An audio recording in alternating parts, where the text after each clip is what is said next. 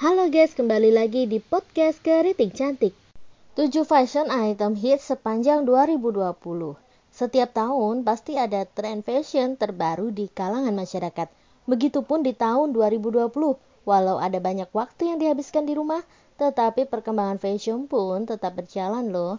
Nah, apa aja sih fashion item hits sepanjang tahun 2020 lalu? Yang pertama ada outfit dengan warna lilac.